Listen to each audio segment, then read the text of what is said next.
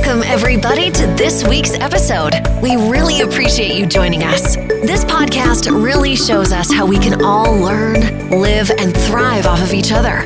By sharing our knowledge through our conversations, we will impart some knowledge whilst learning ourselves how to progress even further. Here is your host,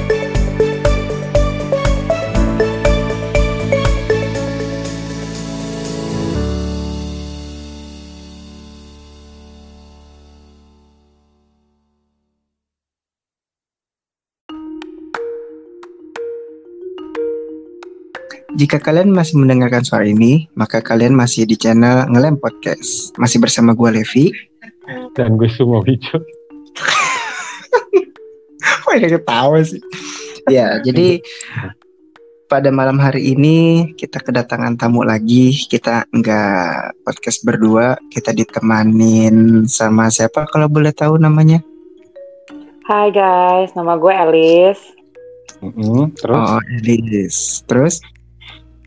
Bisa uh, diceritain nggak Alis itu siapa terus latar belakangnya okay.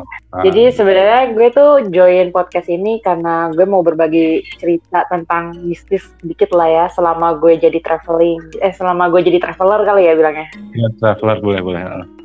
Emang hmm. traveler ke mana? Gue udah traveling lumayan jauh sih kalau untuk di Indo sendiri kayak dari Aceh udah sampai Papua udah. Dan setiap daerah pasti tahu lah punya budaya yang masing-masing punya cerita mistisnya masing-masing dan kepercayaan masing-masing. Tapi kayaknya hari ini gue lebih ceritanya ke yang gue alami sama keluarga gue sendiri aja kali ya. Sampai ada korban gitu. Soalnya kalau yang traveling oh. kan nggak ada korban ya.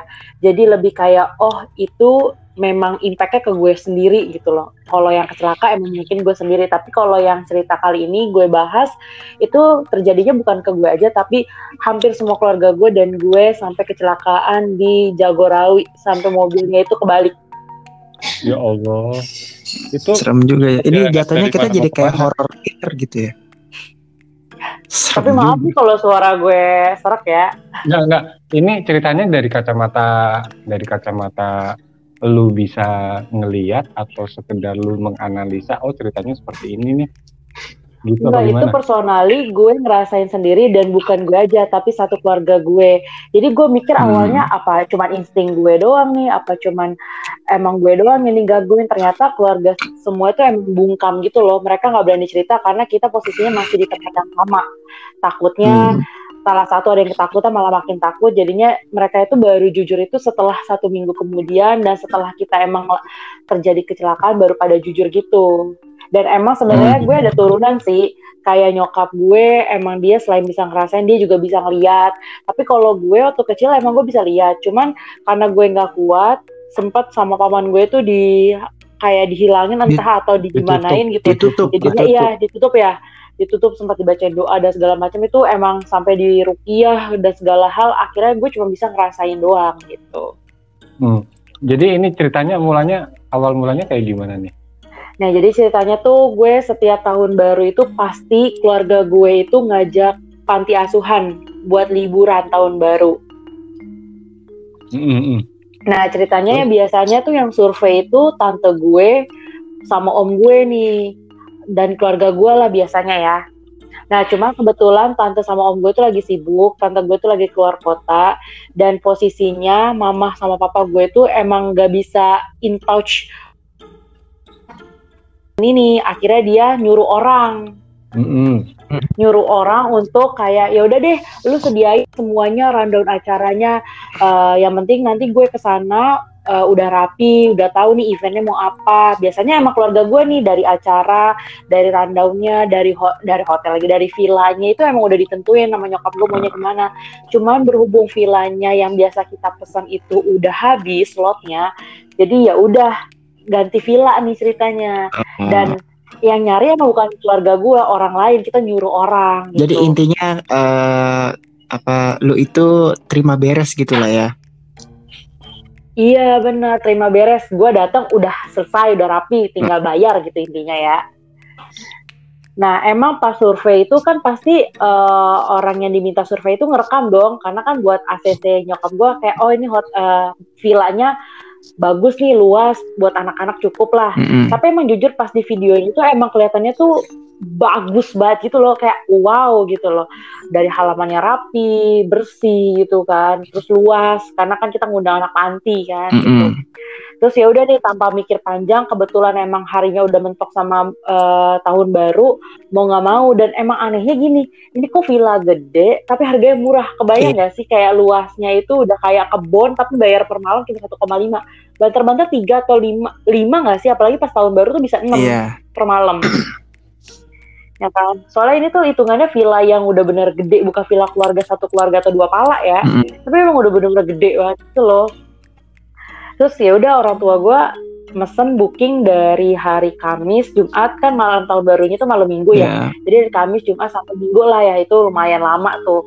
cuman karena keluarga gue datangnya itu nggak di hari Kamis jadi anak panti sama saudara-saudara gue nih yang udah datang duluan mm.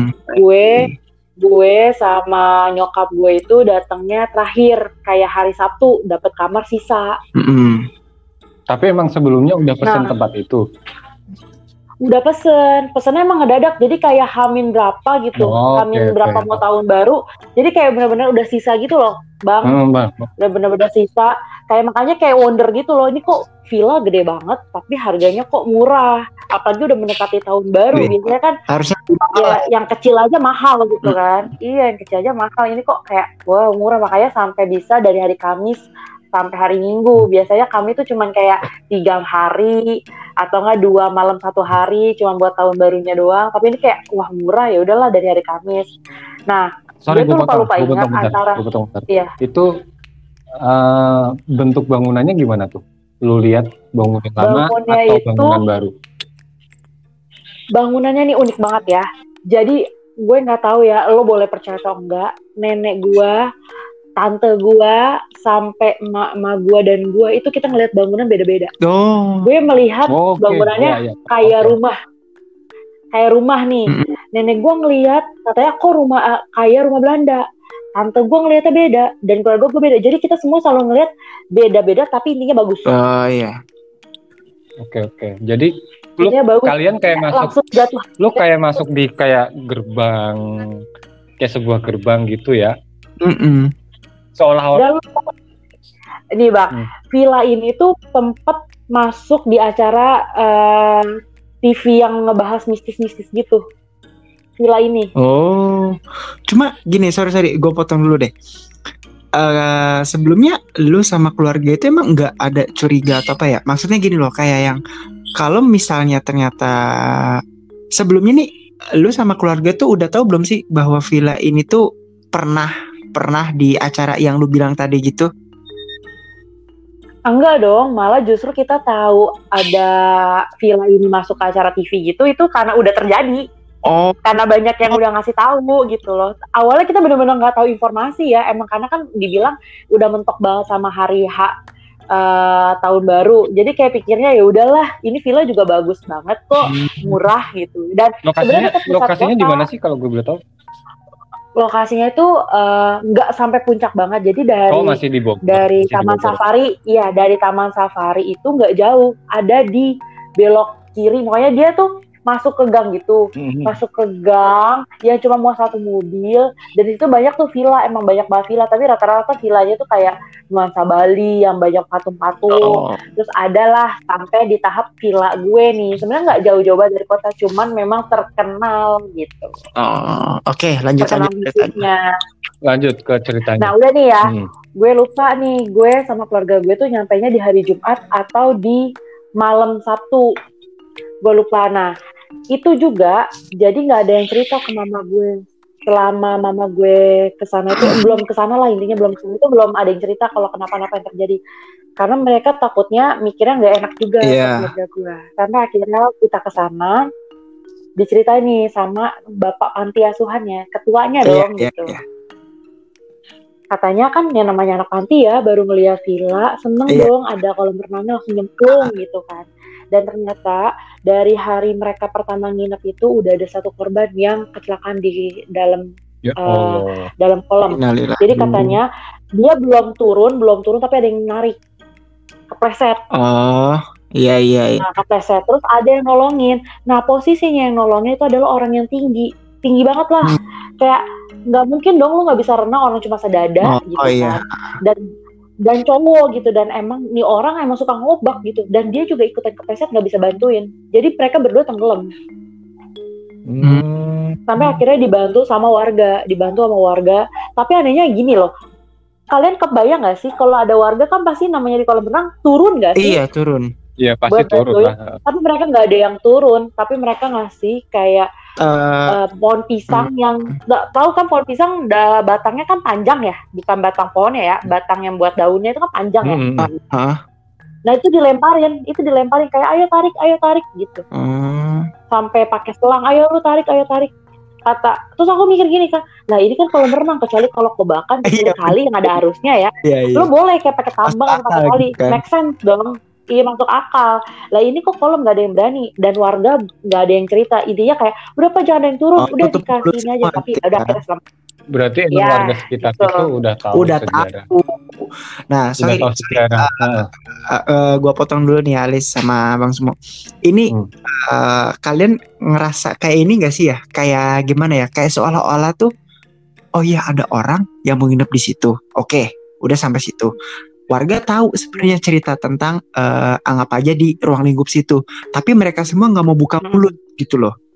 Jadi seolah-olah kayak daripada uh, ini sepi terus nggak ada yang nempatin atau gimana, ya udah deh nggak apa-apa, gue kasih harga murah aja. Cuma mungkin dengan syarat, eh jangan kasih tahu ya atau gimana ya, karena kan uh, kita, gue atau yang punya villa itu kan butuh duit atau gimana. Cuma kan terkesan kayak lu malah malah ini loh, malah hmm. apa ya, malah mencari korban kayak gitu gitu kan. Nih, untuk pertanyaan ini bakalan gue jelasin di akhir cerita ya. Eh, okay, okay. The reason kenapa orang, the reason warga sana kenapa nggak cerita. Hmm, itu okay. bukan lebih karena menga, bukan karena mengun, bukan karena menguntungkan mereka juga bukan, tapi justru mereka karena takut doang sih. Oh, oke okay, oke okay. lanjut lanjut. Tuh. Nah, jadi kan udah nih uh, di hari makanya intinya baru pertama kali datang udah ada kejadian seperti itu. Akhirnya di hari kedua, di hari kedua tuh mereka nggak ada yang berani renang mm-hmm. Gak ada yang berani renang. Nah tapi yang namanya anak-anak ya kan ada acara juga dong kayak acara main, ada acara kayak main tusuk paku ke dalam botol lah. Ya, ada pokoknya ada acara lah, ada pokoknya happy lah. Gitu ya. ya intinya ada event gitulah. Hmm. Nah udah selesai event terjadi, selesai kan rapiin, ada dong uh, anak beberapa anak yang simpang siur di dalam eh di taman tersebut. Kesurupan lah. Oh, hmm ya kesurupan. Tapi kesurupan kesurupannya nggak yang kayak di TV TV ya oh. aing saha iya gitu. Enggak enggak gitu. Cuman kayak nggak sadarin diri. Mm-hmm. terus uh, tatapannya tuh kayak kosong gitu. Ah, kayak ya. ditanya namanya siapa? Nggak ngejawab. Ah. gitu doang. Kayak namanya siapa? Kamu kenapa? Kayak diem aja kayak ah. ini anak ngape? Gitu kayak teman gua bang waktu itu bang datang ke rumah. Tiba-tiba oh. dia jalan kesambet kocak bener. Oh. pengang bengong pengang. Kata gue enak kenapa? Ya Ya udah yuk lanjut. Iya, pernah dengar cerita ini lanjut lanjut. Iya, lanjut. iya kan kayak oh ya udah nih udah mungkin anak ini sakit kan. Nah sampai akhirnya keluarga gue datang diceritain semua nih dari A sampai Z. Ya udah akhirnya keluarga gue ngeladain kayak oke okay, nih kita ngaji bareng ya. Oke. Okay. Kita ngaji bareng dari maghrib nyambung ke Isa. Jadi habis maghrib kita jeda yasinan terus dari ya udah pokoknya intinya kayak melakukan kegiatan yang baik lah ya intinya. Mm -hmm Hmm. Nah, udah nih kita sholat segala macam, posisinya di ruang tamu itu gede banget. Kayak ibarat masjid udah bisa sholat raweh lah ya, gede banget lah emang gitu.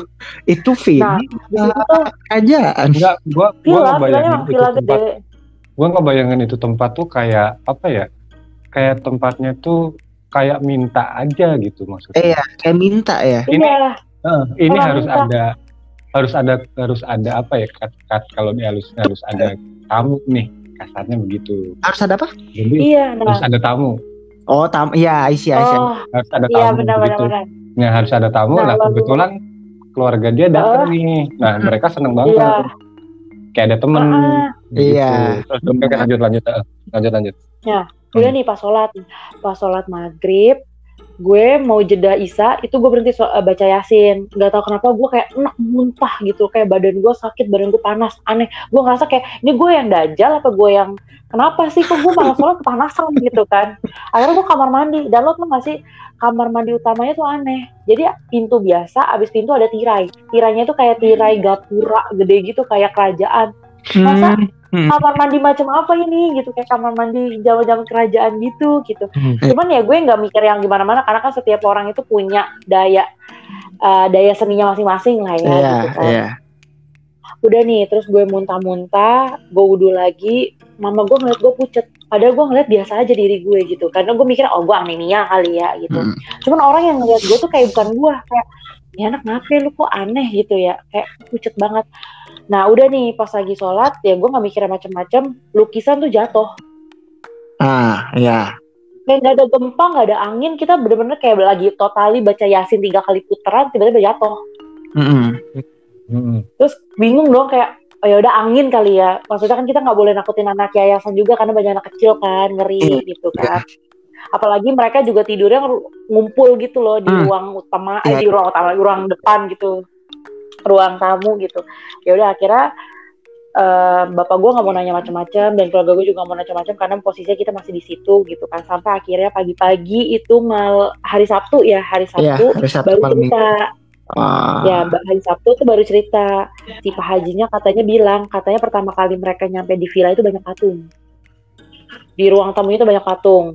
Mm. Nah akhirnya si Pak Haji itu nih yang punya yayasan tuh bilang ke si ke tukang bersih bersih di villa bilang gini, Pak ini tautungnya bisa dipindahin nggak ke gudang atau gimana? Soalnya kan nanti ada anak-anak tidurnya pada di sini, terus juga mau dipakai kegiatan buat ibadah juga di sini nggak enak aja kalau ada patung gitu kesannya. Tapi kalau lukisan-lukisan oke okay lah, baru diceritain. Oh mungkin gue tuh ngambil kesimpulan mungkin marah nggak sih patungnya dipindahin iya, paham paham paham Duh, gue cerita gue merinding loh. gue juga. Gue kalau cerita, cerita cerita cerita begini pasti merinding dari. Ngebayangin. Iya nggak sih ngebayangin. Iya. Terus sudah tuh. Ini gue uh, keluar keringet dingin ini sebenarnya.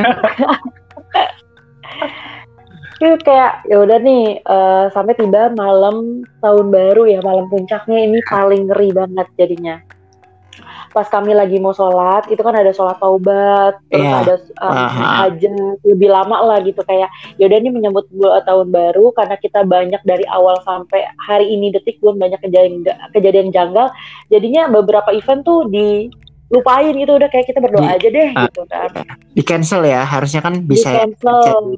Bisa. Apa, yang seharusnya kita iya seharusnya kayak abis gitu. dari maghrib tuh kita bisa karaokean lah ibarat bisa karaokean atau bakar-bakar ini tuh jadi kayak waktu bakar-bakarnya itu kayak bener-bener literally pendek banget kayak udah bener-bener mau tahun baru gitu loh hmm. kayak jam 11 baru mulai kayak kita lebih fokusnya kayak beribadah gitu loh yeah. jadi pas lagi sholat ada ada satu anak yayasan yang dia nggak ikut sholat karena lagi halangan hmm. lagi nah halangan. itu yang baru gua tanyain sih tadi itu si itu maksudnya pas pas mereka lagi pada kumpul-kumpul tuh adalah ada yang lagi nggak suci atau lagi kena apa. Iya, ini ada nah, nih satu orang. Itu yang tadi mau gue tanyain udah mau udah diceritain. Oke deh lanjut deh. nah ini nih. Eh, nah. jadi dia nggak ikut sholat kan di kamar hmm. dong karena posisinya emang ruang tamu itu udah benar-benar di hold yeah. Ya. uh, sama kita semua lah gitu hmm. sampai akhirnya dia teriak dong kaget nggak baru rokaat ketiga udah ha, ha, mau berhenti nanggung gitu kan. Jadi kita lagi yeah. di sholat kan makin teriak-teriak gedor-gedor pintu terus nyaka-nyaka pintu. Ya udah intinya udah selesai nih udah selesai. Assalamualaikum warahmatullahi wabarakatuh. Hmm. buka pintu ditanya kamu kenapa teriak-teriak? Dan tahu nggak yang lebih speechlessnya dijawab apa nggak teriak-teriak. Saya dari tadi main HP lah. Siapa yang teriak? Siapa yang teriak dan masalahnya yang denger tuh bukan si ustadz yang mimpin sholatnya tapi satu hampir ruangan. semua Nah iya, lah itu siapa? Suara orang lain. Masalah suara orang lain tuh nggak mungkin sampai dengar ke dalam karena kita yeah. pakai mic gitu kan. Sholatnya pakai uh, mic. Iya, Dan iya. banyak yang jawab amin, apalagi anak kecil ya, bilang amin aja mm -hmm. sampai amin gitu kan. Kayak ah apaan nih gitu kan terus akhirnya ya udah nih dilanjutin lagi dong dari sholat isya kita ke sholat hajat pas sholat mm -hmm. hajat piring di dapur jatuh semua. Padahal posisinya di dapur nggak ada siapa-siapa. Bahkan pembantu yang biasa ngebantuin kita aja tuh lagi sholat. Posisinya benar-benar kayak sep semua kegiatan berhenti kita sholat aja gitu loh. Mm -hmm. terus kayak piring tiba-tiba jatuh. Kaget dong kita beneran gitu kan. Pas datang ke sana kayak anak yayasannya udah udah jangan jangan ikut dah udah ini aja gitu. Kayak beberapa orang dewasa. Nah udah si ustadznya tuh bilang gini udah nih udah nggak benar nih udah nggak benar nih akhirnya yang halangan tadi disuruh deketin aja takutnya kenapa-napa kan. mm-hmm. takutnya kenapa-napa. Terus udah udah sampai situ tuh kayak uh, ya udah dikumpul sholat segala macam nah lukisan lagi tuh pada jatuh. Jadi kan ada um, bukan miniatur ada ikan pari yang di dikerasin bang. Dikerasin tapi dijadiin pajangan. Ikan pari? Iya ikan pari yang gede itu ya, dikerasin dijadiin hmm. pajangan. Adalah yang kayak rusa gitu-gitu enggak sih? Hmm. kepala rusa ya nah itu dikerasin. Itu jatuh dari lantai dua. Astagfirullahaladzim. Gitu.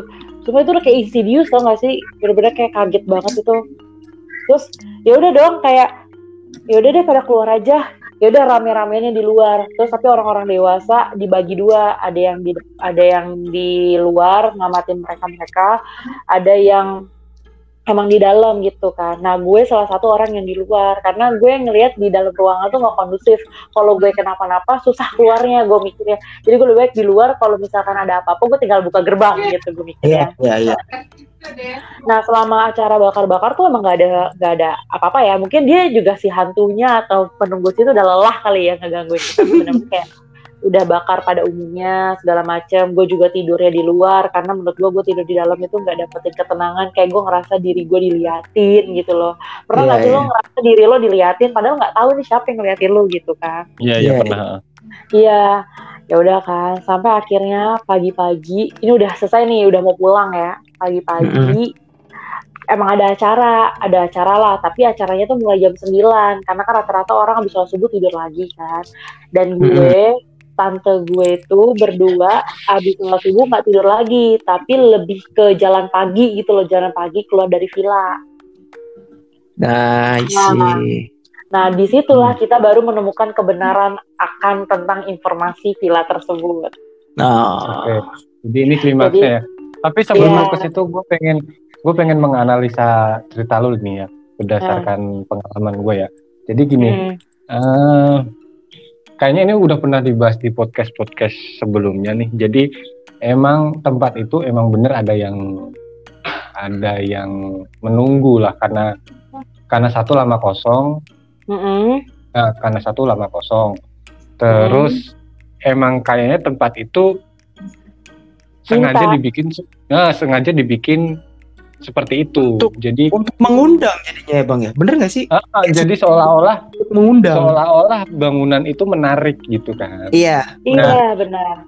Ketika keluarga ya. mereka pada masuk, termasuk anak-anak nih, hmm. kenapa energi kenapa energi yang ada di situ jadi makin gede? Karena nggak ada yang lawan.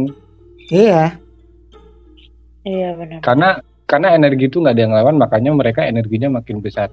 Kalau semisal uh, keluarga lu bisa ada yang bisa gitulah ada yang bisa.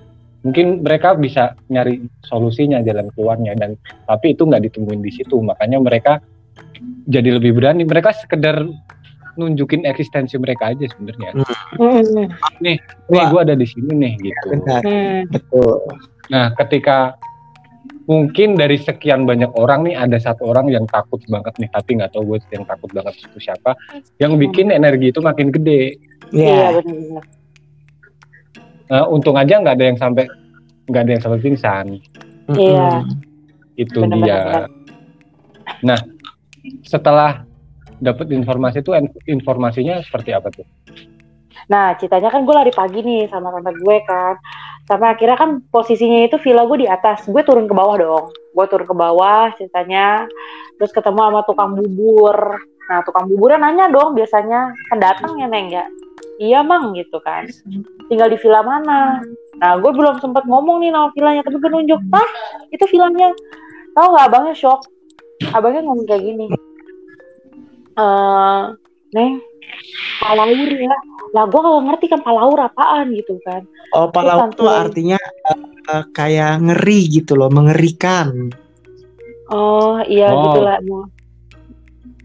Nah si abangnya ya. si abang buburnya itu tuh bilang gini neng palaur ya gitu ya. Bising hati-hati gitu kan. Banyak-banyak doa mm. saya terus ditanya dong sama tante gue kayak kenapa nih? gitu kan. Ya abangnya sih positifnya ngomong gini ya namanya tempat lama kosong ya neng gitu. Ada lah beberapa kejanggalan tapi saya percaya neng orang baik gitu kan. Nggak ada niat maksud apa apa semoga dilindungin ya. Tapi kalau bisa mah kalau udah kalau udah nggak ada kepentingan lebih baik cepat pulang dia bilang kayak gitu. Mm. udah deh neng menurut saya uh, udah paling bener pulang gitu kan. Kalau mm. kalau udah nggak ada lagi yang harus dilakukan di tempat itu dia bilang gitu kan Nah, yeah. kita diomongin kayak gitu penasaran dong. Terus akhirnya gini, kenapa sih Pak udah ngomong aja kali gitu kan. Ada apa intinya aja kenapa nih gitu kan. Saya tahu kan setiap villa kan pasti udah lama kosong ya. Cuman emang beberapa keluarga saya tuh mengalami kejanggalan uh, kisah mistis di situ. Makanya saya cuma mau tahu kayak ini tuh kenapa ada apa? Apakah ini bangunan lama? Apakah ini dulunya bukan bangunan orang yang sempat ditinggalin terus orangnya meninggal atau kejadian apa? Akhirnya diceritain kalau ternyata villa itu tuh sebenarnya emang dipakai buat puja. Jadi banyak orang-orang nah. kayak banyak orang-orang petinggi-petinggi gitu kan. Entah petinggi, entah orang yang mau jadi caleg, entah orang yang mau jadi misalnya RT RW apa segala macam tuh mereka tuh emang kayak ngadain suatu ritual atau perjanjian tuh di situ. Hmm, kontrak. Iya, nggak tahu lah ya. Udah kayak ber, ada berjanjian di situ iya, ya. kayak iya. Ininya tuh kayak ibarat kayak musrik nggak sih jatuhnya? Iya. Iya, bukan musrik kan, lagi udah. Iya. Kan udah gue bilang dari tadi kan itu tempatnya emang dibikin kayak begitu, dibikin iya. kayak biar Untuk, ada tamu gitu. tamu. Nah, terus akhirnya iya. si abang buburnya tuh bilang gini ke kita, coba deng Neng baca istighfar tiga kali, baca ayat kursi, setelah itu Neng lihat villa tersebut. Ya karena di posisinya di atas, ya kita kelihatan dong dari bawah. Ya selama gue tinggal hmm. di sana, gue melihat villa gue oke okay banget gitu. Kayak every spot tuh bisa dijadiin Instagramable gitu kan. Dan terus hmm. waktu itu akhirnya gue bener, gue ngikutin nih. Kayak ya udahlah kita ikutin aja, nggak ada yang salah kok. Lo lihat tahu gak sih villanya kayak gubuk?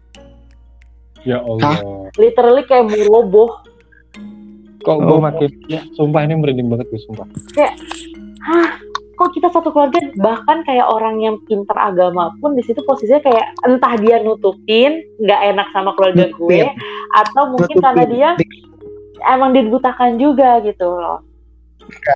Se ini sebenarnya ada ada dua persepsi sih ya. Antara dibutakan atau dia menutupi. Nah, karena kan iya. kayak ah nggak enak gitu kan. Gue harusnya menghargai uh, apa namanya niat baik fasilitas orang. ada niat baik yeah. orang juga gitu kan. Dan mm-hmm. lagi juga kan gue juga udah ikut dan gue juga kan tugasnya di sini untuk menjaga anak-anak juga gitu kan. Iya benar-benar benar lanjut lanjut lanjut. Terus udah nih kaget dong aku sama tanteku kan kayak ya udahlah ini juga udah mau pulang kok hari siang ini kita pulang gitu kan udah nih sampai akhirnya mau beli pulsa kan pas mau beli pulsa ya itu baru diceritain kayak uh, ternyata tuh tiga bulan sebelum kita nginep di situ tuh ada kejadian kalau ada kamar ini posisinya gue tuh emang nempatin kamar pertama Nah kamar pertama hmm. itu adalah kamar utama karena kan gue tinggalnya gue, oh. Nyokap gue, ada nenek gue gitu. Jadi kamar kita lebih gede gitu loh. Ternyata itu malah justru kamar paling enak hmm. karena ada kursi goyang, ada patung dan emang pas kita datang udah gak ada kursi goyang dan patung itu udah dipindahin ternyata.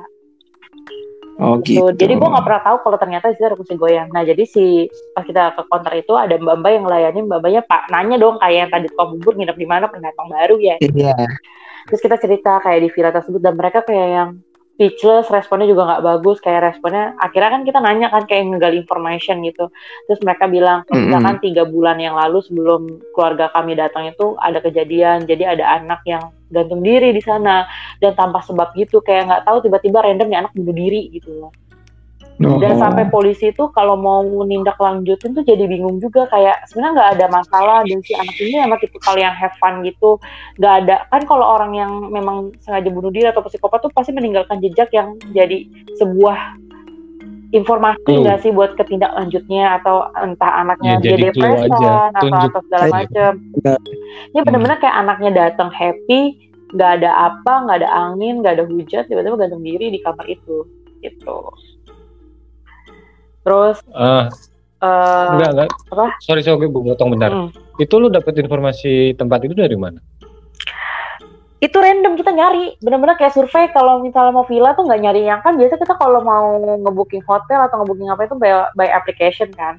Nah kalau ini yeah, kita bener-bener kayak gitu. research jalan aja kayak jalan nemu gitu loh. Kayak jadi, jadi emang lebih emang udah kayak ini apa namanya kayak misalnya satu orang memberikan informasi ah kayak gue masih belum percaya coba deh gue cari lagi kayak iseng saja bang. Kayak misal nih bang lu sama gue nih. enggak bang, kalau menurut gue sih itu emang dia udah diarahin ke situ. Iya benar. Iya. Udah diarahin ke situ dia jadi kalau ditanya kok lu bisa milih villa itu sebenarnya nggak ada tujuan kita milih ke situ ya karena villa yang biasa kita tempatin itu udah full booking dan kita sangat iya, paham, terus paham. kenapa nggak gunain aplikasi? Kalau gunain aplikasi kalau bisa lihat review. Nah posisinya semua udah all book gitu udah penuh gitu. Makanya hmm. kita tuh posisinya intinya kayak, kayak jalan terakhir lah ya udah kayak jalan aja survei ketemu syukur kalau nggak ketemu kita ngadain acara di tempat lain. Kita ternyata berhasil kita ketemu sama villa yang memadai dan emang parkirannya gede sampai bisa masuk bis gitu loh. Oh. iya seperti itulah ya intinya. Terus akhirnya ketemu yang tadi itu tukang konter kan cerita. Kalau misalkan tiga bulan yang lalu ada sempat orang yang gantung diri dan di kamar itu tuh ada kursi goyang gitu katanya. Dan kursi goyang itu suka ada penampakan. Terus aku bilang di kamar yang mana? Kamar depan. Kamar paling gede which is kamar gue dan keluarga gue kan. Terus gue bilang nah, kalau bisa hmm. nyampe di sana tuh nggak nggak ada nggak ada kursi goyang. Ternyata emang diumpetin. Ya bukan diumpetin karena udah disembunyiin sama yang pertama kali datang gitu. Maksudnya sama keluarga-keluarga gue yang lain yang udah pada datang terus dia bilang yeah. katanya di kamar gue itu ada connection room connection room. Jadi kalau di hotel kan ada yang namanya ya, dan di hotel tuh pasti yeah. ya ada connection room antara ruang satu dan ruang dua. Dan emang gue sadar kalau di kamar gue tuh ada connection room yang gue nggak tahu itu rumah mana yang dituju. Hmm. Nah, terus selama ini tuh jangan-jangan jangan-jangan. Nah, connection roomnya itu tuh kayak pintu terus ditutupin hordeng putih. Nah, gue sadar. Nah, nah bang, bener nah, bang. Gue tuh sadar kalau misalkan oh ini pintu, tapi gue iseng nih gue buka, tapi nggak bisa buka, oke okay, ya gitu. Nah, terus di kamar gue itu di kayak ngapung gitu loh, bang, kayak ngapung. Posisinya di bawah yeah. itu kolom ikan. Dan kolom ikan yang nggak keurus, yang hmm. kayak cuma tinggal lumut-lumut doang gitu sama batu-batuan gitu. Yeah. Nah, yeah, yeah, yeah, kamar gue tuh ada balkonnya. Jadi di antara kamar yang lain, kamar gue doang ada balkonnya. Nah, di samping kamar gue itu ada ruangan yang nggak ada tujuannya ke mana jadi ada jendela tapi nggak tahu pintunya yang mana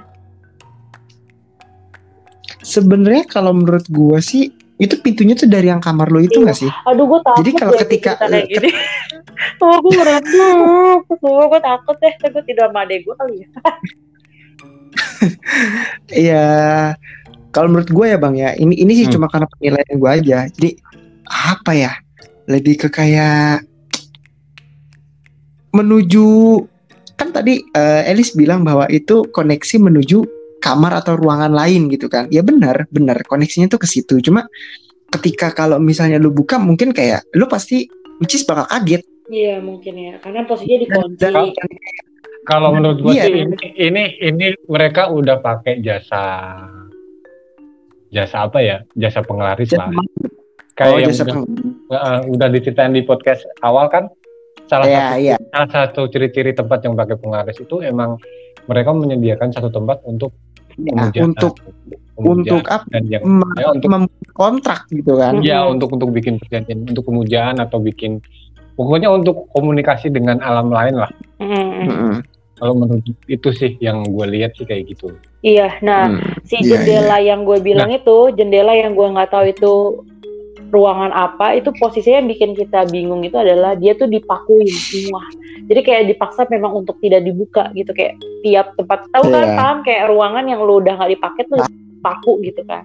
Paham. Ya, kayak bahkan tuh sampai keluarga gue nanya akhirnya kan gue nanya sama mama gue eh maksudnya sama keluarga gue ini kenapa? Ini ruangan mana? Ini kaca apa? Aku gue nggak tahu ya gitu kan.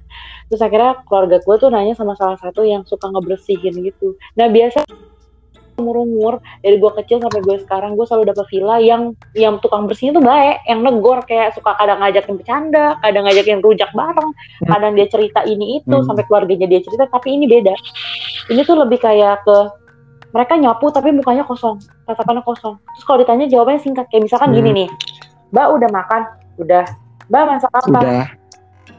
yang disuruh saja neng ngomong kayak robot tau gak sih? Gue kayak hah lo ngapain? Gitu kan. Yeah. sampai akhirnya waktu itu nanya sama tukang sapu yang emang cowok gitu kan. Mas punten nih. Mm. eta naonnya? Gitu kan. Itu ruangan apa? Terus dia cuma bilang gini jangan diganggu. Ngerti nggak sih? What the meaning ya, of this sentence? Kayak ya, jangan diganggu kalau nggak mau. Terus orang tua gue kayak yeah. gue. Iya nggak udah momen-momen momen-momen kita mau pulang. Tapi masih ada anak-anak masih event. Kalau gue kan gak ikut eventnya kan kayak lebih ke udahlah gue di kamar aja. Nah gue posisinya di kamar sendiri. Hmm. literally gue benar sendiri. Gue nggak ada siapa-siapa. Dan gak ada yang nemuin gue. Sampai akhirnya kita gagal pulang. Anehnya gue di rumah di kamar. Benar-benar tapi gak ada yang bisa ngeliat gue di kamar. Ini terserah ya percaya enggak. Gue ini ini belum pulang. Ini udah pulang gue masih pulang. di kamar itu. Yang gue bilang ada connection roomnya.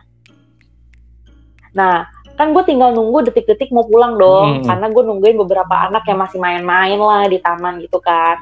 Nah anehnya orang-orang tuh gak ada yang bisa ngeliat gue di kamar. Jadi mama gue bilang gini eh itu suruh si Alice makan dulu atau eh suruh si Alice ini mana si mobil apa apa gimana? Dan dari semua anak yayasan disuruh nyari tahu gue saat mereka hmm. mengunjungi ke kamar gue itu nggak ada. Mereka bilang nggak ada. Padahal gue jelas lagi tiduran di kamar main hp gitu loh.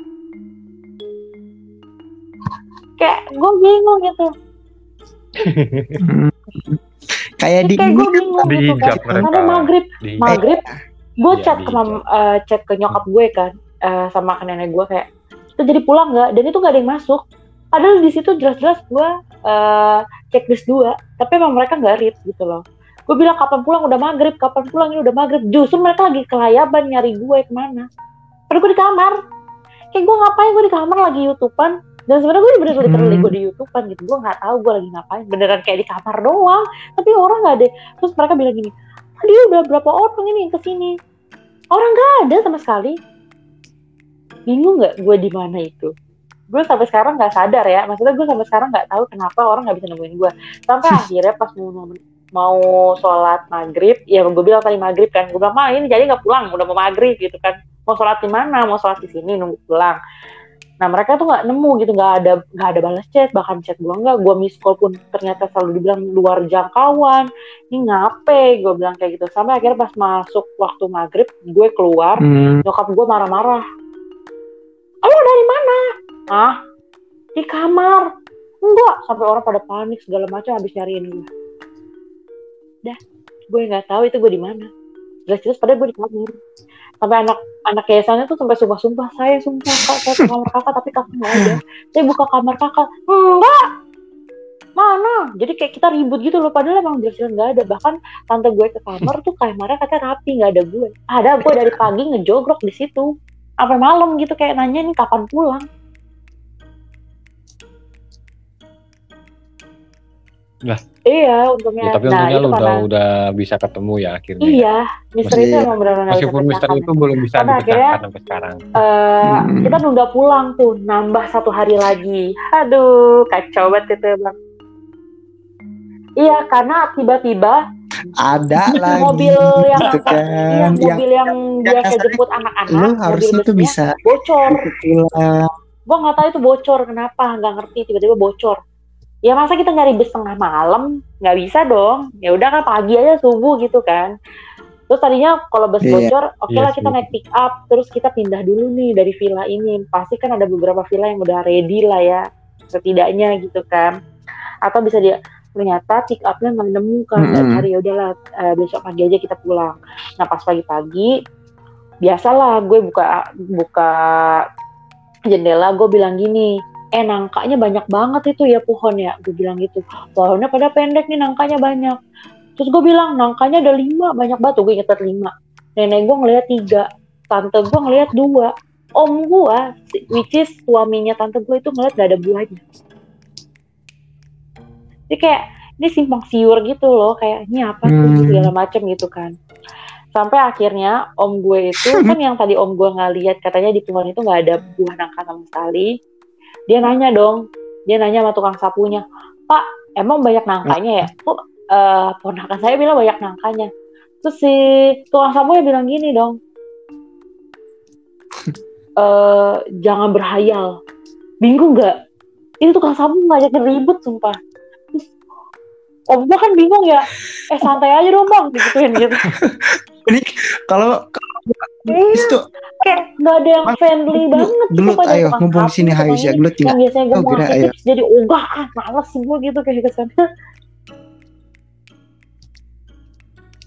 Ya karena mereka sebenarnya udah tahu sih tempat iya, itu, tahu. itu makanya bete aja. Menurut aku nih, situ, gitu, mereka tuh bete karena apa? Mereka karena mereka gagal buat dapetin tumbal. Eh ya nggak sih? Karena gagal. Iya mungkin. Oh, gua malah nggak pernah kepikiran sampai ke situ. Enggak mungkin itu orang-orang orang-orang itu siapa sapu, tukang yang, yang ngurus villa. Ada jutek itu sebenarnya mereka siapa? Makanya kan tadi gue bilang, iya oh, gue seumur umur dari gue okay, okay. sewa villa tuh gue gak pernah dapetin orang yang gak friendly. Biasa Biasanya tukang sapunya tuh entah ikut ah. nimbrung lah, entah yang nyariin areng lah, entah yang dia tiba-tiba cerita tentang keluarganya juga lah. Jadi udah kayak keluarga sendiri kadang kan. Tapi ini baru pertama kali for the first time gue ngerasain dapet tukang kebun, tukang sapu, tukang masak yang bener-bener gak ada senyumnya, yang ditanya kayak robot. Gitu. Hmm. Jadi kalau bisa uh, apa ya? Itu tuh kayak gini loh, Bang. Kayak misalnya uh, lu sama gua nih, Bang. Hmm. Bang, lu kalau nggak mau mati, mending lu ikutin apa kata gue aja. Jadi tukang sapu, tukang bersih-bersih itu kayak gitu. Daripada gua kenapa-napa atau misalnya hmm. gua ntar malah malah malah gue yang jadi tumbal atau segala hmm. macem ya, ya udah deh dia udah gitu. dikasih tugas sebenarnya udah dikasih tanggung hmm, jawab ya, gitu. Uh, itu ceritanya jadi kayak misalnya jawab seperlunya hmm. jangan sampai bocor kalau misalnya bocor ya nah, lu sendiri udah lah. udah selesai udah akhirnya bareng segala macam gue pulang, pulang naik mobil Honda Jazz ya menurut gue hmm. ya, ya naik mobil Honda Jazz hmm. Udah diservis intinya kalau keluarga gue itu setiap mau pergi hmm. itu selalu diservis ban segala macam dicek gitu kan. Well pre eh, ya well prepare. Sampai akhirnya kita masuk ke well tol Jagorawi. ya. well iya. entah karena om gue ngantuk tapi nggak ngantuk sebenarnya. Emang dia emang udah udah waktunya pulang kayak udah tau lah kayak ya udah lu kalau mau nyetir lu harus tidur gitu loh. Kita udah benar-benar prepare karena perjalanannya jauh karena kan sistem Bogor itu buka tutup ya gitu. Sampai akhirnya di Jagorawi om gue ngeliat kodok kodok yeah. dari mana? Masalah ini kalau misalkan kodok lewat kodok kita tinggal lindes doang gak sih? Tapi masalah katanya dia ngeliat kodok di depan kaca padahal kita kadang lihat. Makanya dia kebanting setir ke pinggir iya. jalan makanya itu sampai seatbelt kita lepas dan posisi mobil itu miring. Kayak nyik gitu.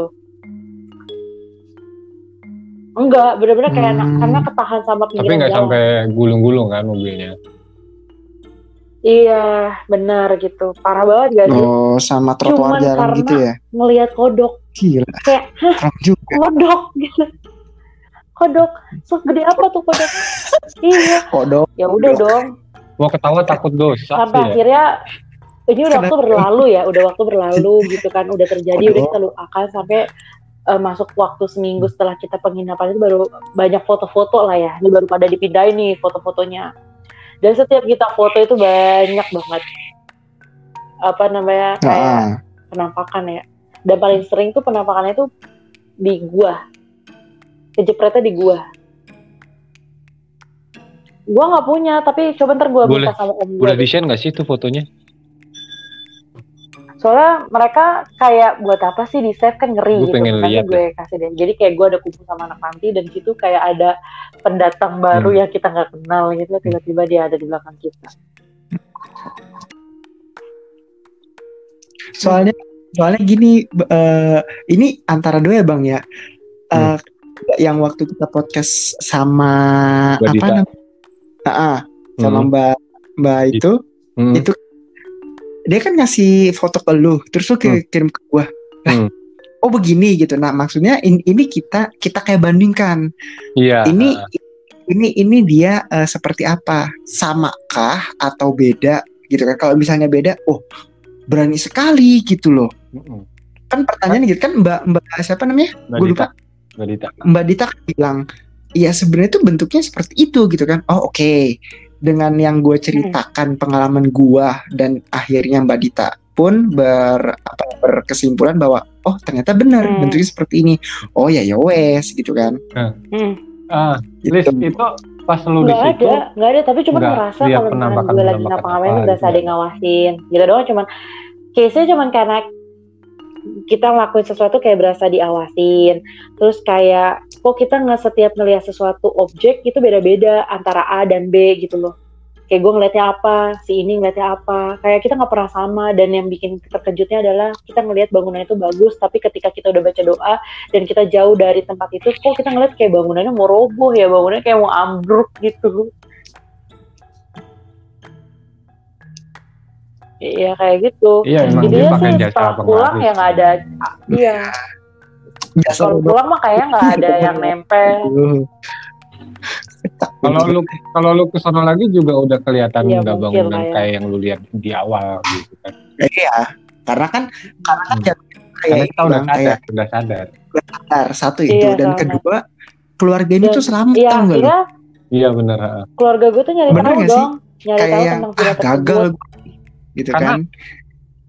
karena mereka nggak ada yang sebenarnya sebenarnya keluarga mereka nggak ada yang peka. Nah, sam- itu yang iya, benar. Uh kalau keluarga keluarga mereka ada yang peka ada yang peka mungkin mungkin dia bisa pulang lebih awal gitu. Iya iya benar, benar. Sampai gitu. Mm sampai akhirnya Jadi pas sudah terjadi pasti dong keluarga gue nyari tahu karena nggak enak juga hmm. kan. Pas nyari tahu beberapa cerita ya udah ya bilang kalau misalkan emang villa tersebut tuh banyak ngambil korban gitu. Dan biasanya entah kejadiannya memang kecelakaan di villa tersebut atau di luar villa. Nah gitu doang biasanya. Jadi kayak entah kecelakaan di jalan dan gue salah satu orang hmm. yang emang kecelakaan di jalan kan. Tapi alhamdulillah nggak kenapa-napa karena posisinya kita lagi jalan tuh lagi dengerin selawat. Karena kita sadar kalau bawah diri kita tuh lagi terambang gitu loh. Pernah gak sih lo ngerasa kalau diri lo tuh bakalan kenapa-napa? Dan itu feelingsnya itu. Iya. Yeah. Kayak oh ya. Iya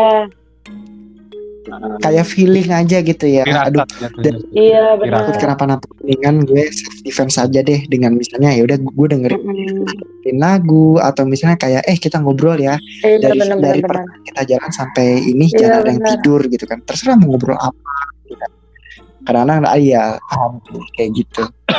Tapi emang kalau emang uh, hmm. persepsi-persepsi tiap orang misalnya kita bertiga ke sono nih yang kita yang kita hmm. lihat bakalan beda-beda emang dibikin iya. begitu emang dibikin begitu jadi mereka iya, memang sengaja bikin kita bingung biar Tapi kalau lu bilang, kita terjadi eh, lu masih apa gak sih jalannya? Gue masih inget banget. Bahkan kalau iya. kayak lu mau survei, gue mau rasain ya ini supaya kita survei. Seolah-olah iya. Seolah-olah kita tuh diadu domba gitu sih. Kayak gimana sih? Iya. Kayak Jadi, kita tuh kayak misalnya lu ngomong apa gue ngomong apa beda kayak tapi pendapat gue harus dengerin. Eh nggak bisa. Harus oh, pendapat iya. gue jadi ya cekcok gitu loh. Ya akhirnya cekcok. Tapi untungnya nggak ke arah situ sih untungnya. Iya. karena masing-masing orang menyembunyikan informasi. Kalau awal emang iya, informasinya betul. mereka dibuka satu-satu mungkin udah ya nggak tahu. Hmm. nggak nggak mungkin nggak nggak ada cerita ini mungkin. udah Hmm, mungkin kalaupun misalnya ternyata ada warga atau atau misalnya nih keluarganya si Elis ini kayak uh, apa ya kayak cari tahu dulu eh uh, villa ini ceritanya Enggak gimana lah, ya? kayak iseng aja gitu loh si Elis nih kayak nyari tahu apa segala macam. Mungkin gue juga sebelum lagi dia ngin... gitu loh. Kayak udah balik, sibuk ya, waktunya ya, gitu kan. kayak waktunya udah mepet banget dan udah gak ada choice lagi. Iya. kan tadi bilang salah tertangka kayak gitu Hmm. Kak, ke Sorong. Lu traveling paling jauh udah ke mana, Lis? Turki. Kalau nggak maksudnya di luar Indonesia? Iya. Turki. Nah, gue belum pernah denger nih urban-urban legend di luar negeri ini. Kalau cerita mistis Lu sih lebih enggak ya. Tapi kalau cerita tentang sesuatu hal yang buruk tuh ada karena gue tinggal di daerah enggak, ya? perbatasan yang kalau bom suriah itu kedengeran tuh udah kayak hal biasa kayak lagi makan boom gitu. Kayak malah di sana tuh kayak ibarat kayak tambal ban ban hmm. gitu. Jadi udah sebiasa itu gitu. Iya. Gila, serem banget. Mungkin mungkin Parah. bisa oh, bisa diceritain di episode selanjutnya kali ya? Iya boleh okay. boleh no, biar biar bersambung nanti ceritanya. Itu oke okay, bang. Oh Hmm. Jadi uh, apakah ada kata-kata mutiara? Kayaknya enggak deh, karena kan ini lebih ke kayak curhatan dan uh, pengalaman sih, ya. Kalau kalau kalau kata-kata mutiara tetap aja. Jadi, jadi kalau hmm. kita emang mau pergi ke suatu tempat, uh, alangkah baiknya kita bawa satu orang yang emang yeah. satu menguasai daerah itu, satu. Mm-hmm. Kedua, ya bawa ahlinya. Maksudnya kalau ada yeah. apa-apa bisa ngasih informasi lah. Oh ini ada kejadian kayak gini, jadi bisa ngasih. Mm. Jadi nggak berlarut-larut. It, itu kalau sampai empat hari terus nambah satu hari lagi kan artinya berlarut-larut. iya kayak nah, ini tambah masalah gitu. Nah, kalau emang kalau emang dari awal kalian bawa seseorang yang bisa iya, gitu bener, maksudnya kan. Karena Mungkin mereka tuh pada lebih nutup-nutupin gak sih? Betul. Ya gitu jadi iya. Ya pastilah. Pasti, ya. kalau itu pasti. Karena kan hmm. karena kan sebenarnya niat mereka tuh kayak ah gue pengen have fun, gue pengen liburan, tapi kok begini? ya, karena mau pulang juga bingung. Apa juga kan ini gratis gue dibayarin, ikut aja deh. Biasanya Ya makanya pokoknya kalau pergi ke yes. satu tempat pas bawalah seseorang yang menguasai tempat itu kemudian mm -hmm. bawa seseorang yang bisa gitu okay. dalam tanda kutip bisa mm -hmm. gitu. Mm -hmm. Itu aja sih. Terus yeah, jangan lupa okay. jangan lupa yeah. salam. Kemudian sebelum masuk nih, sebelum yeah. masuk kita ketok pintu assalamualaikum. Kemudian yeah. kalau kita udah masuk kan kita pasti ngecek kamar mandi nih cek, iya, cek kamar mandinya cek kamar mandinya hmm. kalau ada keran dinyalain dinyalain air hmm. itu aja buat ngasih tanda kalau kita ada di situ gitu kemudian yeah. Yeah. kenapa kita harus hmm. ketuk pintu sebelum masuk dan ucap salam ketika kita ketika kita ucap salam oh. si energi itu sadar oh, kalau ada gitu ya, ada orang yang mau datang akhirnya dia pindah tempat yeah. gitu jadi emang ya ada apa ya ada adabnya untuk masuk apalagi iya, tempat, tempat baru lah yang kita kunjungi barat tanda kutip kita nggak iya. kenal mm -mm. ya tempat baru Iya. Gitulah intinya. Ya sebenarnya bukan tempat baru sih. Kayak kita bertamu sama orang pun kalau anggap aja ternyata orang itu nggak ada atau gimana ya itu tetap harus kita lakukan. Kayak ya, ini, bel kali. ini berlaku di semua Terus, tempat ya nggak cuma ya, tempat itu aja. nggak nggak nggak semua hmm. itu ya oke. Okay. oke makasih bang Sumo. Makasih juga buat Elis. Mungkin kita ketemu di episode berikutnya. Oke okay, guys jangan lupa uh, kalian semua dengerin terus ngeliat podcast karena pasti banyak cerita-cerita yang seru cerita-cerita yang lebih horor-horor banget jangan lupa di uh, di follow juga Instagramnya di @ngelem_podcast. Ya bener gak sih bang? Ngelem Apa gue yang salah? Podcast. Oh ya, underscore podcast. Pakai underscore, underscore tuh garis bawah tuh kalau kalian nggak tahu. Ya semuanya makasih. Jangan lupa dengerin terus ngelem podcast. Kasih like-nya pokoknya. Pokoknya Oke okay, semuanya, thank you buat Elis, buat Bang semua.